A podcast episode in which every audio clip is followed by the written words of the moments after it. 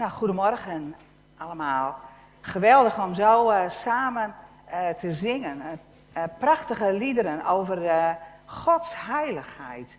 God die, die groot is in kracht, in almacht. En ja, God die degene is die ook heel dichtbij is. We hebben ook gezongen over dat Hij regeert. Dat Hij aan Hem alle macht toekomt in hemel en op aarde. En dat we ons ook aan Hem mogen geven. We hebben gezongen, hier is mijn hart, hier is mijn leven. Ja, dat is ook onze, uh, ja, wat God van ons verlangt. Dat we ons aan Hem geven en dat we zeggen, Heer, hier ben ik. Doet u maar met mij wat u wilt.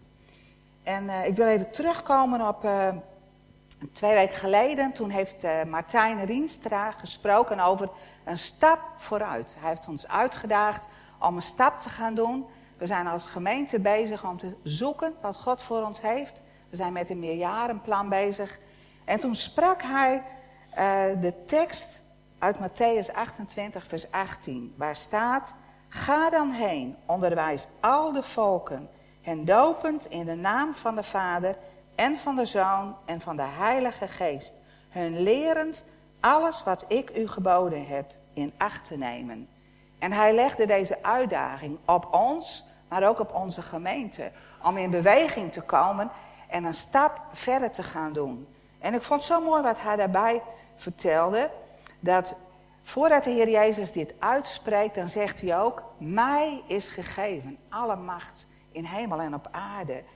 En aan het eind van die tekst belooft hij ook dat hij altijd bij ons is. Hij laat ons nooit alleen.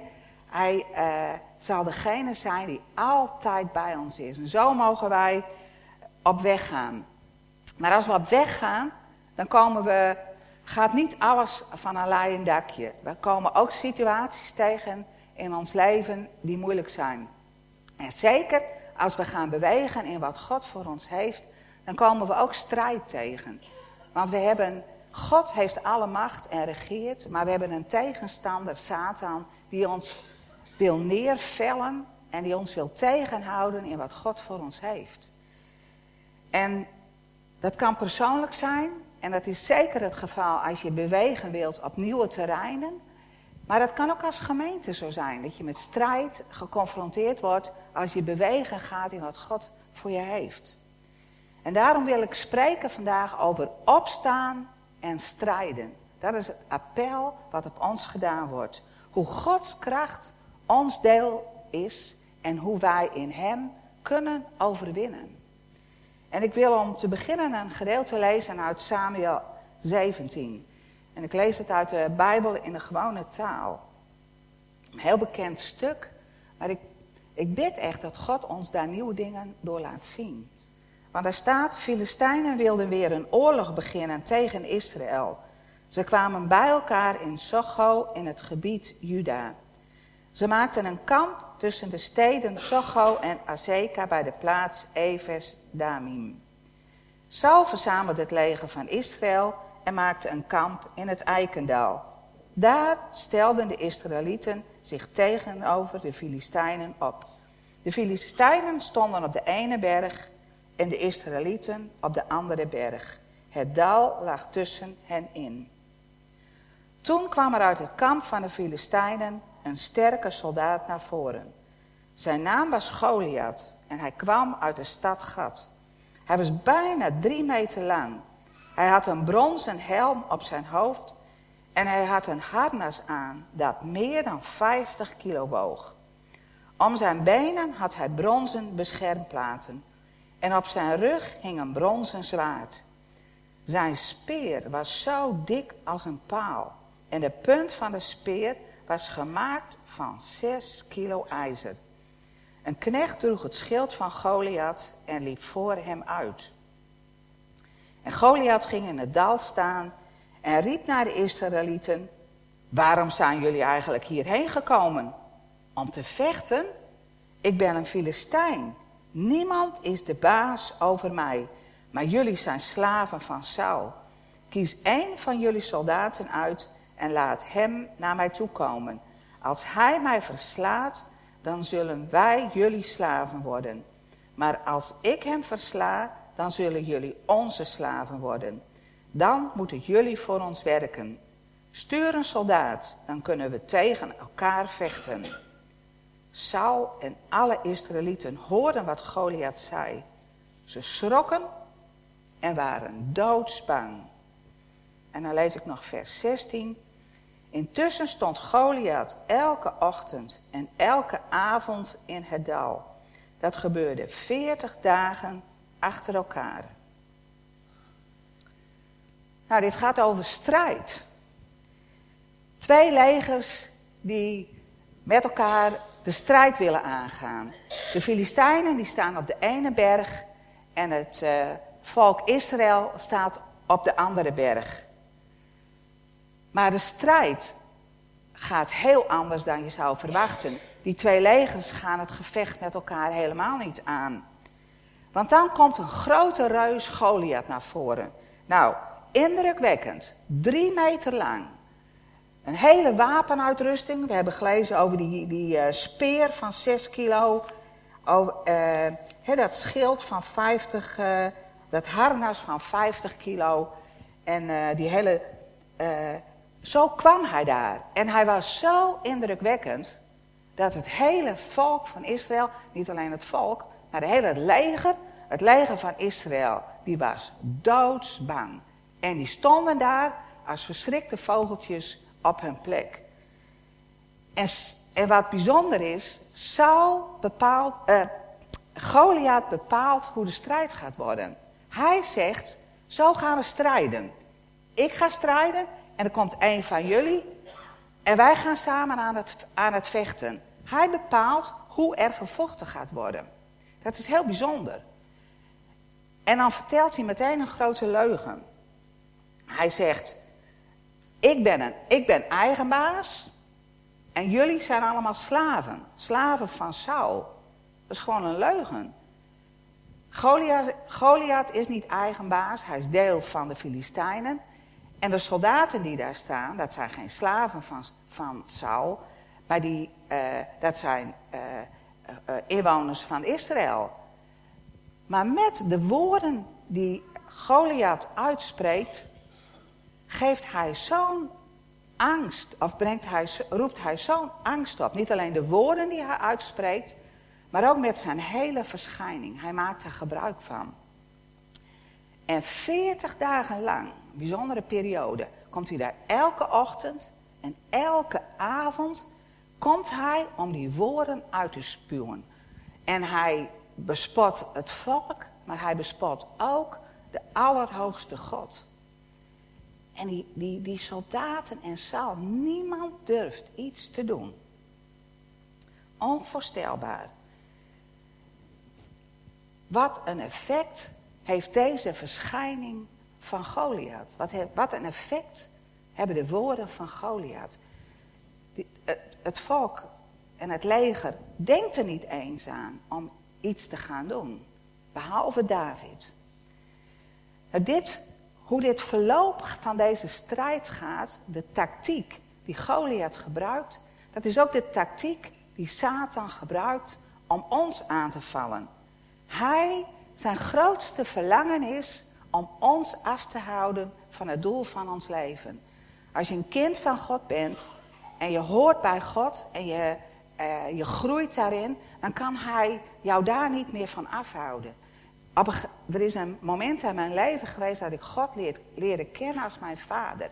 En ik wist, God is mijn vader. En wat er ook gebeurt, niemand kan dat van mij afroven. Dus daar hoeft Satan mij niet op te pakken. Maar hij pakt je op die, dingen die God voor jou bestemd heeft. Want als je dan een kind van God bent, nou ja, Allah, dat is best. Zolang je maar verder niet in beweging komt. En geen dingen gaat doen voor, voor, voor God. Hij wil ons verlammen. Hij wil ons als het ware vastzetten. En hoe doet hij dat? Hij doet dat heel veel met het uitspreken van woorden. Want woorden hebben kracht. En woorden die, leggen, die komen binnen in ons denken en die raken ons. En die kunnen zich vastzetten en die kunnen ons naar beneden drukken. En hoe doet hij dat? Nou, dat kan op heel veel manieren, maar hij kan bijvoorbeeld zeggen van, ja, wat denk jij nou wel? Denk, je dat het met jou wat worden zal? Ach joh, kijk toch eens wat je allemaal al gedaan hebt. En met je leven, dat, dat wordt toch niks. Hè? Uh, of iets anders is dat je denkt van, oh, ik ben zo moe. Ik, ik heb gewoon de pulver niet voor. Ik, ik ga lekker op een bank zitten. Waarvoor zou ik me druk maken? Ik ga, het is wel best. Maar het kan ook zijn, en dit zijn meer persoonlijke dingen, maar het kan ook zijn dat hij uh, woorden van leugen over een ander aan je vertelt waar je naar luistert. Dat er roddel komt, verwarring. Het zijn allemaal manieren waarin hij uh, ons probeert af te houden van het doel wat God van, met ons leven heeft. Nou, behalve bij uh, Goliath zien we de strijd ook heel duidelijk bij Nehemia. Nehemia, die is uh, schenker bij de koning in, uh, in ballingschap. En dan hoort hij over Jeruzalem. Dan hoort hij dat uh, mensen bezig zijn om, om de stad te herbouwen. Want de stad ligt in puin. En de, uh, de muren om de stad liggen ook in puin. Er is geen bescherming meer om de stad heen. En het raakt Nehemia zo. Als je dat leest, hoe hij de schuld van het volk op zich neemt. Hoe hij daarvoor bidt naar God. En hoe, hoe hij daardoor zo geraakt is dat de koning het merkt. En dat hij de zegen van de koning krijgt om naar Jeruzalem toe te gaan. Om de stad op te gaan bouwen. Maar als hij daar is, dan wordt hij onmiddellijk met tegenstand geconfronteerd. Want Sambalat, die bespot de Joden die aan de gang gaan. En hij zegt, willen ze de stenen uit de puinhopen weer tot leven wekken, hoewel die verbrand zijn? Ja, die stenen stellen niks meer voor. Ze zijn helemaal verbrand. En met die stenen zou, zou je daar nog een muur van kunnen opbouwen? Dat wordt toch niks? En Tobia, zijn vriend, die valt hem bij en die zegt... Ach, ook al bouwen ze, als er slechts een vos op klimt, maakt hij een bres in de muur. Ja, die, die, die muur die stelt gewoon niks voor. Eén vosje er tegen en wams, weg is die hele muur. En zo proberen zij om Nehemia tegen te houden. Dat hij niet aan het bouwen gaat. Maar kijk eens hoe de reactie van Nehemia is. Wat Nehemia zegt. Nehemia laat zich niet ontmoedigen. En hij zegt, wees niet bevreesd voor hen. Denk aan de grote en onzagwekkende heren. En strijd voor uw broeders, zonen en uw dochters, uw vrouwen en huizen. Welke tegenstand hij ook tegenkomt en die bespotting, het, het raakt hem niet. Hij heeft een opdracht van God gekregen. En hij zegt, wij gaan door. Wij gaan aan het werk voor onze broers en onze zussen, voor de mensen van onze stad. En wij gaan door. En de tegenstand is heel geniepig daar. Hij krijgt een brief. En uh, in die brief wordt hij opgeroepen om naar de tempel te gaan. Dat mag helemaal niet, maar ze willen hem uh, pakken. En ze willen gewoon uh, door allerlei dingen op hem te leggen, hem afleiden van het doel. Maar Nehemia blijft vasthouden aan het woord wat hij in het begin ook al gezegd heeft. Wat in, in hoofdstuk 1, vers 20 staat. De God van de hemel, hij zal ons doen slagen. En wij zijn dienaren zullen opstaan en gebouwen en gaan bouwen. Het is niet zijn kracht dat hij dingen gaat doen. Hij zegt, de God van de hemel, de allerhoogste God. Hij heeft mij, hij heeft ons een opdracht gegeven. En wij gaan daarin bewegen. En hij zal, God zal ervoor zorgen dat wij zullen slagen. Misschien gaat het wel heel anders dan wij gedacht hadden. Misschien komen we wel van alles tegen. Maar God is trouw en God gaat door met wat hij beloofd heeft. En alle dingen die, die op hem afkomen, die, uh, die zorgen er niet voor dat Nehemia zich laat afleiden. Want in, uh, in hoofdstuk 6, vers 3, dan zegt hij de woorden. Hij spreekt uit dat hij een groot werk van de Heer aan het doen is. Daar is hij mee bezig. En hij kan dat niet stilleggen. Wat er ook allemaal gebeurt. Hij zegt van wij gaan door, want wij hebben een groot werk van de Heer gekregen. En dat kunnen wij niet, daar kunnen we niet mee stoppen. En dan herinner je misschien het wel, dan gaan ze door, de ene hand de, de, de uh, troffel en wat het maar is, om te bouwen. En in het andere hand de zwaard. Want ze moeten oppassen, ze moeten waakzaam zijn. Maar ze gaan door, ze laten zich niet tegenhouden. En geweldig om te zien wat daar in Nehemia wat er gebeurt. En hoe God uh, ja, het werk zegent. En, en wat een vrucht daaruit voortkomt. Ja, want hoe reageer je? Wat is je reactie? dit zijn dingen uit de Bijbel, maar we, ik denk als ik zo dingen vertel, dat wij ook allemaal in ons eigen leven voorbeelden hebben waarin we tegenstand hebben. Wat is je reactie dan? Waar luister je naar? En waar kijk je naar? Nehemia, die volgt God. Die doet wat God tegen hem gezegd heeft. Die is gehoorzaam. Die, die ontvangt kracht van God. En die, uh, hij gaat s'nachts alvast bekijken hoe die dingen moet doen. God geeft hem een plan hoe hij aan de gang moet gaan. David is niet onder de indruk van die grote Goliath. David, ik stel mezelf altijd voor dat David wat klein en tenger is. Weet ik, valt misschien wat mee, maar hij is niet zo indrukwekkend in ieder geval.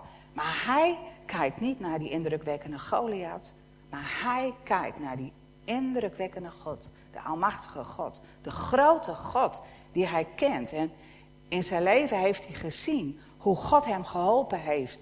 Als uh, de schapen aangevallen werden, dan stond hij op en dan ging hij aan de slag. En dan overwon hij het dier wat uh, het schaap wilde pakken. En hij gaat met de middelen die God hem heeft toevertrouwd, gaat hij ook Goliath aan. Belachelijk, denk je, met die stenen. Maar wat een wonder, wat een overwinning gebeurt daar. Hij vertrouwt op God. En ik moet ook denken aan het verhaal wat in het uh, begin van de Bijbel staat. Als het volk door de woestijn trekt en van God de opdracht krijgt om het beloofde land in te nemen. Dan zijn er twaalf verspieders die het land ingaan om het land te bekijken. En ze zien het en ze zien dat het prachtig is. Rijke uh, oogstdruiven en het is, het is inderdaad een land vol vrucht. Maar dat zien ze niet alleen, ze zien ook die dikke muren. Tjonge jongen, dikke muren. En grote reuzen zien ze daar. En als ze terugkomen, dan zijn ze niet zo onder de indruk van het land. Ja, ze vinden het wel prachtig. Maar tien verspieders zeggen van, het gaat er nooit worden. We gaan het nooit innemen. Dat gaat ons nooit lukken. Niet aan beginnen, want zulke sterke uh, reuzen en muren dik, die zo dik zijn, dat gaat ons nooit lukken. En er zijn er twee anderen die een andere mening hebben. Joshua en Caleb. En die zeggen, ja, het is waar. Er zijn dikke muren en, en er zijn hele grote reuzen daar. Maar voor God, als het Gods plan is, dan kunnen wij doorgaan. Dan laten wij ons niet tegenhouden. Naar hen wordt niet geluisterd. En het is vreselijk wat de gevolgen zijn voor de keuzes die deze verspieders, uh, de woorden die deze verspieders spreken. Ook hier zijn het weer woorden die geloofd worden door het volk. En ik vind het dan zo wonderlijk als we ook weer 40 jaar later zijn, want ze hebben zo lang door de woestijn getrokken. Een nieuwe generatie mag dan het beloofde land intrekken. En als ze binnenkomen en het land in, uh, intrekken, wonderlijk, die muren zijn niet dunner geworden. Die reuzen zijn niet in elkaar gezakt. Maar daar hoor je het helemaal niet meer over. Ze gaan en Jozua die vertelt hen een plan. En wat een wonderlijke manier hoe zij, die, hoe zij Jericho gaan innemen. Je zou het toch niet kunnen bedenken? Helemaal geen strijd met uh, wapens van, van, speren en bogen, wat ze dan hadden. Maar een strijd die door God aan, uh, ja, God heeft het plan, maakte bekend hoe zij die stad moesten innemen. God is krachtig en wij mogen die God kennen. En Satan, wat doet hij? Hij vult ons met leugens, met halve waarheden. Lijkt een beetje waar, maar het is een leugen. En hij wil verwarring brengen. Verwarring. Want waar verwarring is, daar kun je niet meer samen aan de slag. Hij wil misleiding brengen. dat de dingen als het ware omgedraaid worden. En hij wil eenheid, wil hij ontnemen. En hij wil vreugde, wil hij roven. Persoonlijk, maar ook in een gemeente. Wil hij, wil hij eenheid, we hebben vanmorgen is daarvoor gebeden, eenheid onder christenen wil hij, wil hij roven. We hebben allemaal te maken met die geestelijke strijd. We hebben allemaal ermee te maken dat we mogen opstaan en dat wij onze positie mogen innemen. Want als we kijken welke teksten nog meer in de Bijbel staan, dan wil ik 1 Petrus 5, vers 8 wil ik lezen. Want daar staat, wees nuchter en waakzaam, want uw tegenpartij, de duivel, gaat rond als een brullende leeuw op zoek naar wie hij zou kunnen verslinden. Het is een brullende leeuw. Het is een leeuw die geen macht meer heeft. Maar wat hij nog wel kan, is heel hard brullen. Hij, hij, en daardoor, je ziet die kop van die leeuw en dan brult hij heel hard. En oh, wat voor effect heeft dat. En daarom staat er, wees nuchter en waakzaam. Want ook jou, ook u, probeert hij te verslinden. Maar daarvan is het geweldig wat, wat we in de Bijbel lezen over wat Jezus gedaan heeft. Het staat in Colossensen 2, vers 15. Jezus heeft de overheden en de machten, machten ontwapend, die openlijk te schande gemaakt en daardoor over hen getriomfeerd. De Heer Jezus heeft overwonnen. Hij heeft elke macht uh, in de duisternis heeft hij overwonnen. En er staat hier, en hij heeft ze openlijk tentoongesteld. In de tijd van de Bijbel, als er een gevecht geweest was, dan werden de krijgsgevangenen, die werden meegevoerd de stad in en die werden getoond aan het hele volk. En je moet je dat voorstellen, uh, zo werden de overheden en machten door de Heer Jezus ook tentoongesteld. Ze werden openlijk tentoongesteld. Iedereen kon zien dat ze verloren hadden. En wij kunnen dat ook zien, want God zegt dat hij, of de, Jezus zegt dat hij hen heeft overwonnen. En dat hij, ook al brult hij nog zo hard, dat hij verslagen is. Nou, dat gaan we eens even kijken hoe dat, wat het doel van een vijand is. Want een vijand, die heeft maar één doel. En het doel van de vijand is om ons te stoppen. Hij saboteert. En hij geeft tegenwerking. En dat kan hij op heel veel manieren kan hij dat doen.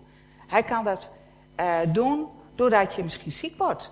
Of doordat je apparatuur het misschien niet meer doet. Ik ben betrokken bij GLOW, een uh, christelijke organisatie. En als wij een conferentie hebben, dan worden we altijd tegengewerkt. Dan uh, wordt iemand die moet spreken, wordt ziek. Of iemand, ook heel vaak iemand in de familie die ziek wordt uh, apparatuur die het van tevoren prima doet, die doet het opeens niet meer. Uh, er is een, ja, je merkt zo duidelijk op punten waar jij gaat bewegen, waarin je iets gaat doen, wat God voor je heeft, dat er tegenwerking komt. Dus dat is de eerste manier waarom de vijand probeert om, om jou stop te zetten. Daarom is gebed, ook voor dingen die, die je onderneemt, ook voor het meerjarenplan wat we aan het uh, ontwikkelen zijn. Gebed is zo belangrijk. Want waar Gods kracht is, daar kan de vijand niet saboteren en tegenwerken. En dan het tweede is teleurstelling brengen. Teleurstelling. Oh joh, ik heb het al zo vaak geprobeerd. Het wordt hem gewoon niet. Teleurstelling in jezelf. Of teleurstelling in een ander. Teleurstelling in een broeder en zuster. Teleurstelling in een gemeente. Teleurstelling in God. Is hij wel degene die hij zegt dat hij is? Dat, dat zie je ook in het begin uh, van de Bijbel. Uh, dat dat Satan halve waarheden vertelt aan Eva. Leugens vertelt hij. Dat, dat zijn eigenlijk teleurstellingen. Goh, mogen wij dat niet? Is dat niet voor ons? Het kan teleurstelling, kan zo effect hebben in je leven. En wat is het gevolg ontmoediging. Dat kan. Ontmoediging. En wat betekent ontmoediging? Je hebt geen moed meer om iets te doen. Je hebt geen hoop meer. Je begint er gewoon niet aan. Uh, het, het, is je gewoon te veel. Je, uh, ja, de hoop, de levenslust, de levenskracht om iets te gaan ondernemen, die is weg. De, als je onmoedig bent, dat, dat trekt je zo naar beneden. Dat kan je depressief maken. Je ziet als het ware alleen nog maar dat kleine stukje wat de vijand je wil laten zien. En wat er omheen is, ja, dat is eigenlijk op dat moment voor je weg. Dat is ontmoediging. En wat wil je het liefst? Dat je passief bent. Kind van God best, maar ga passief op je stoel zitten. Onderneem vooral niks. Blijf zitten waar je zit, lekker bank hangen, lekker in je eigen veilige huisje, in je veilige kerk. Vooral goed passief. Dat, want weet je, dan als jij passief bent en lauw, dan kom je niet meer in beweging. We lezen in openbaringen ook dat God had wacht daarvan, van lauwheid. Was je maar heet of koud.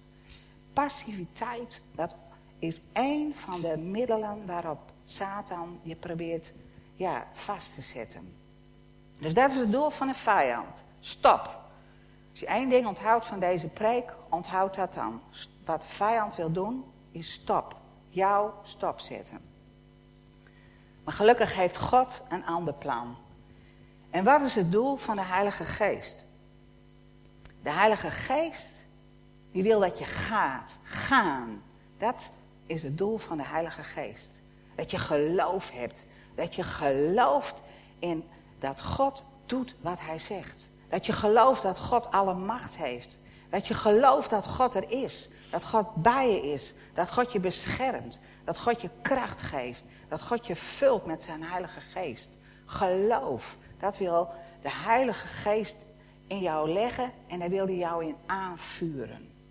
En het tweede is aannemen. Aannemen wat God zegt. Aannemen wat Gods woord zegt. Die denken, hmm, ik voel er niks van. Zou God er wel zijn? Heeft, heeft iemand aandacht voor mij? Ik, uh, ik denk niet dat iemand uh, om mij geeft. En dan te wij aan te nemen dat God zegt, je bent kostbaar. Je bent waardevol. Ik ben bij je. Ik heb je gemaakt. Ik heb een doel met je leven.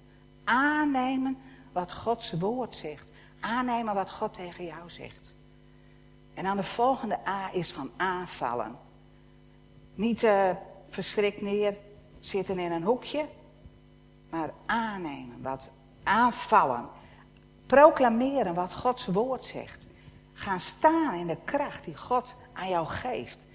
En als de leugens op jou afkomen, dan zeg je van, ik geloof het niet. Als er angst over je komt en je kunt, en het is een, een, ja, als het ware dat je niet durft te bewegen en vastgezet wordt doordat de vijand leugens aan je vertelt, dan zeg je, ik val aan, ik ga staan en ik ga bewegen in Gods kracht. Ik ga, ik ga door.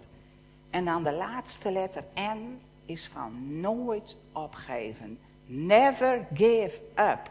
Dat is wat er ook is en wat je ook tegenkomt. Geef nooit op. Blijf vasthouden. God is getrouw. God doet wat hij beloofd heeft. En als jij uitroept naar God, dan hoort hij jou. En God gaat antwoord geven. Soms duurt het een tijd, soms ga je door dingen heen. We leven in een wereld van gebrokenheid, maar geef nooit op. Houd vast aan wat God voor jou beloofd heeft. Aan jou beloofd heeft. En wat hij aan jou uh, op je leven gelegd heeft. Je hebt allemaal mogelijkheden van God gekregen om te gebruiken in dit leven. Geef nooit op om die te gebruiken. Dus dat is het doel van de Heilige Geest. Gaan. Nou, dan wil ik iets vertellen over waarom dat soms toch moeilijk is om te gaan. Ik wil iets vertellen over onze positie en over onze toestand. Nou, onze positie, dat is heel helder, daar is de Bijbel heel helder over. Je bent een kind van God. Je bent Gods kind. Je hebt een plek in de hemelse gewesten gekregen. Je hebt al een plek waarin je de zegen en de schatten van de hemel mag ontvangen in je leven. En die positie, die is niet afhankelijk van hoe het met je is en hoe je omstandigheden zijn. Niets en niemand kan die positie van je afroven. Als jij een kind bent van je ouders, dan blijf je altijd een kind van je ouders. Of je nou een leuk, een leuk leuke jongen bent, of een leuke meid, of een hele vervelende. Je bent een kind van de Allerhoogste. En we gaan we lezen uit uh, Efeziërs 2. Daar staat over de positie die wij hebben gekregen. Maar God, die rijk is in barmhartigheid, heeft ons door zijn grote liefde, waarmee Hij ons lief gehad heeft, ook toen wij dood waren, door de overtredingen, met Christus levend gemaakt. Uit genade bent u zalig geworden en heeft ons met hem opgewekt en met hem in de hemelse gewesten gezet in Christus Jezus, opdat hij in de komende eeuwen de alles overtrekkende rijkdom van zijn genade zou bewijzen door de goede tierenheid over ons in Christus Jezus. Je bent uit genade, ben je zalig geworden. Je bent voor God, ben je rein en zuiver door het bloed van Heer Jezus.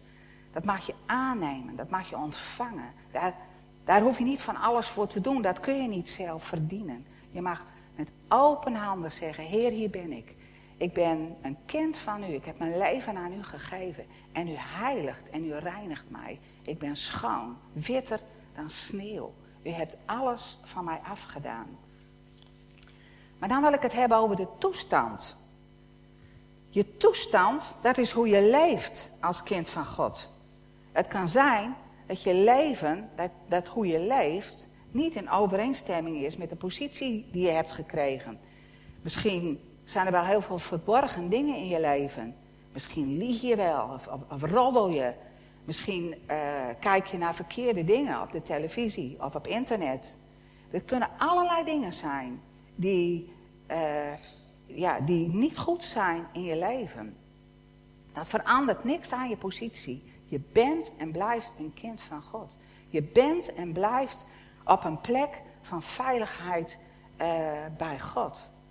Maar weet je, als er veiligheid in je leven is, dan zien de mensen om je heen kunnen dat zien. Er kan boosheid in je komen. Of frustratie, of oh, geïrriteerdheid. Of, nou, noem het maar op. De mensen om je heen zien het. Maar de vijand ziet het ook. En de vijand heeft geen recht op jou. Hij heeft geen recht op je leven. Maar als er dingen in je leven zijn die niet goed zijn, dan geef je maar ware een voet. Geef je maar ware een opening.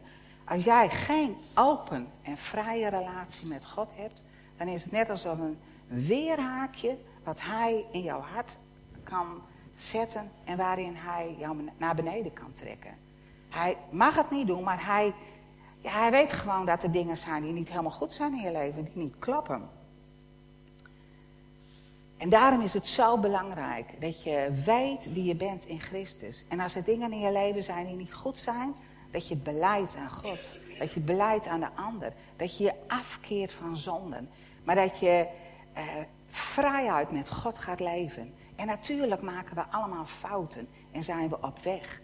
Maar God en God ziet al hoe wij op weg zijn om te veranderen. Maar het is heel wat anders als jij blijft in dingen die niet goed zijn.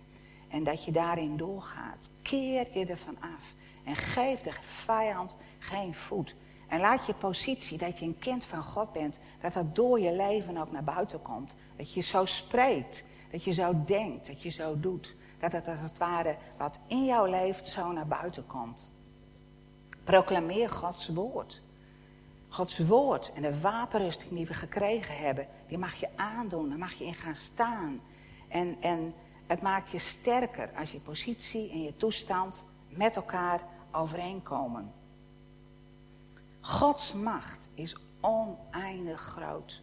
En Hij woont in jou. Ik denk dat we maar zo'n klein beetje nog kennen van Gods macht. Hij is zo groot. En Hij is de Allerhoogste. Hij is de overwinnaar. Hij is de levende. En we gaan straks zingen. Het lied Jezus is overwinnaar. En voor we dat straks gaan zingen, wil ik het lied wil ik lezen. Want het is zo'n krachtig lied. Want het lied zegt, waar u, waar Jezus, waar u verschijnt, wordt alles nieuw. Want u bevrijdt. God zet je vrij van wat er ook maar in je leven is. En u geeft leven. Elke storm verstilt door de klank van uw stem. Alles buigt voor koning Jezus. U, u Heer Jezus, u bent de held die voor ons strijdt. Maar dat is ook het mooie. Je staat niet alleen in de strijd. Maar de Heer Jezus die staat voor jou op de brest. Die staat aan de rechterhand van de Vader en die pleit voor jou. En de hemelse legermachten die staan om jou heen. U bent de held die voor ons strijdt. U baant de weg van overwinning. Dat kan hij doen, want hij heeft de overwinning al behaald. En hij baant voor ons die weg van overwinning. Waar je het nog moeilijk hebt, dan zegt hij: Kom, wij in mij ga je overwinning behalen. En elke vijand vlucht. En ieder bolwerk valt neer. Waar Jezus verschijnt. Want hij is de naam boven alle namen. De hoogste Heer. En voor eeuwig is uw heerschappij. Uw troon staat onwankelbaar. Er wankelt zoveel. Maar zijn troon is onwankelbaar. En het volgende vind ik zo mooi. Ongeëvenaarde kracht ligt in uw grote naam. Er is geen kracht die zo groot is als de kracht van Jezus. De kracht van God. Het is geweldig als je meer van die kracht gaat ontdekken. Jezus, overwinnaar. De duisternis ligt op door u. De duivel is door u verslagen. Dood, waar is je macht? Waar is je prikkel gebleven? Jezus leeft en hij zal leven. En de schepping, wij ook knielen in diepst ontzag. De hemel, de hele hemelse legermachten juichen voor onze koning. En de machten van de hel, die weten wie er regeert. Naam boven alle namen, hoogste Heer. Amen.